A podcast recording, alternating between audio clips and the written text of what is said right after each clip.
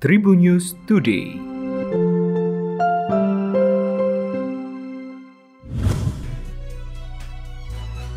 Halo Tribuners, berjumpa kembali bersama Memes. Memes akan berbagi informasi untuk kamu dimulai dari berita nasional. Perkembangan kasus polisi tembak polisi yang menewaskan ajudan mantan Kadif Propam Polri Irjen Verdi Sambo, Brigadir Nopriansyah Yosua Huta Barat alias Brigadir J memasuki babak baru. Terbaru dapat temuan yang dapat diungkapkan oleh Koordinator Kuasa Hukum Keluarga Brigadir J Kamarudin Simanjuntak yakni soal jejak digital yang berisi tentang adanya ancaman pembunuhan. Dikutip dari Tribun Jambi, Kamarudin mengungkapkan Brigadir J telah menerima ancaman pembunuhan sejak Juni 2022 lalu. Bahkan ancaman itu masih diterima almarhum saat sehari sebelum dirinya dinyatakan meninggal dunia.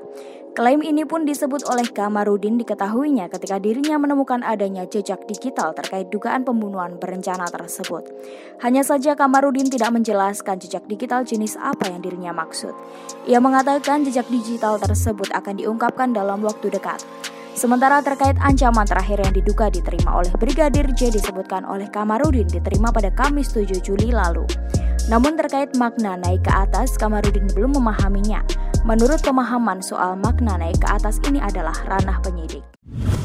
Selanjutnya berita regional Tribuners. Polisi menangkap El Sanita, seorang emak-emak di Kendari, Sulawesi Tenggara yang diduga menghina ibu negara Iriana Joko Widodo. Polres Muna mengamankan El Sanita di rumahnya di Desa Labone, Kecamatan Lasa Lepa, Kabupaten Muna pada Sabtu 23 Juli malam sekitar pukul 20 waktu Indonesia Tengah. Kapolres Muna AKBP Mulkaifin mengatakan tim Satreskrim Polres Muna yang dipimpin Kasatreskrim Ibtu Alam Syah Nugraha tiba di rumah El Sanita pada malam hari.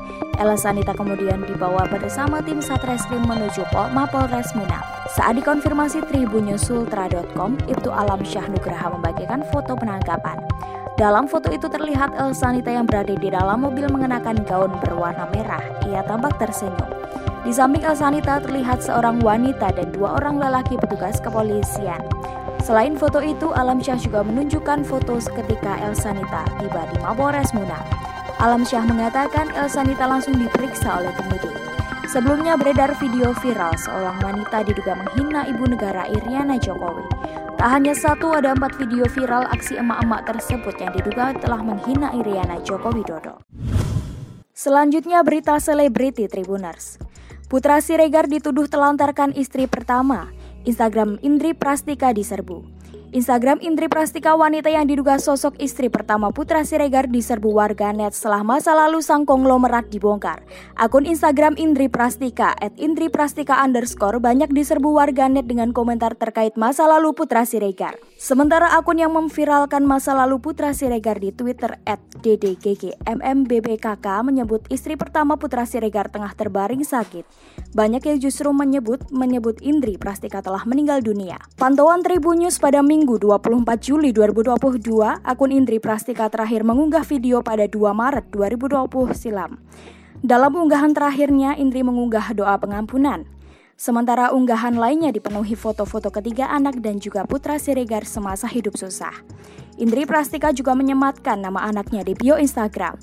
Dalam Instagram sang anak, ia juga menuliskan putra Siregar sebagai ayah dari anaknya. Akun tersebut muncul dengan narasi yang menyebut putra Siregar menelantarkan istri pertamanya bernama Indri Prastika.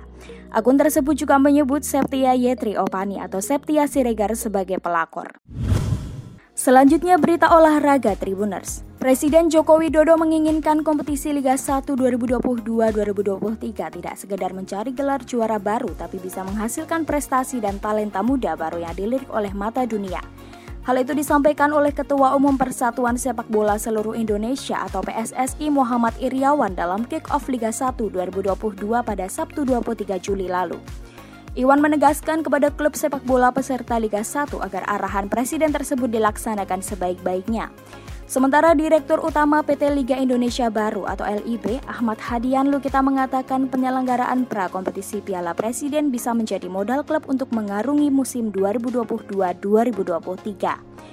Terkait teknis penonton, menurutnya turnamen Piala Presiden kemarin juga menjadi contoh. Lebih lanjut, pihaknya akan memberikan kontribusi komersial kepada klub-klub Liga 1 2022-2023 dengan nominal 550 juta per tim didistribusikan setiap bulan sampai akhir musim. Lukita menyampaikan jumlah tersebut sudah disepakati oleh tim-tim peserta dalam rapat manajer yang dilakukan secara virtual pada Senin 18 Juli 2022. Namun dana itu belum dicairkan sampai semua klub melengkapi semua dokumen.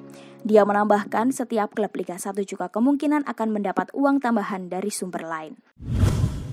Demikian tadi empat informasi terkini yang menarik untuk kamu ketahui. Jangan lupa untuk terus mendengarkan Tribun News Today hanya di Tribun News Podcast Spotify dan YouTube channel tribunnews.com. Memes pamit, sampai jumpa. Tribun News Today.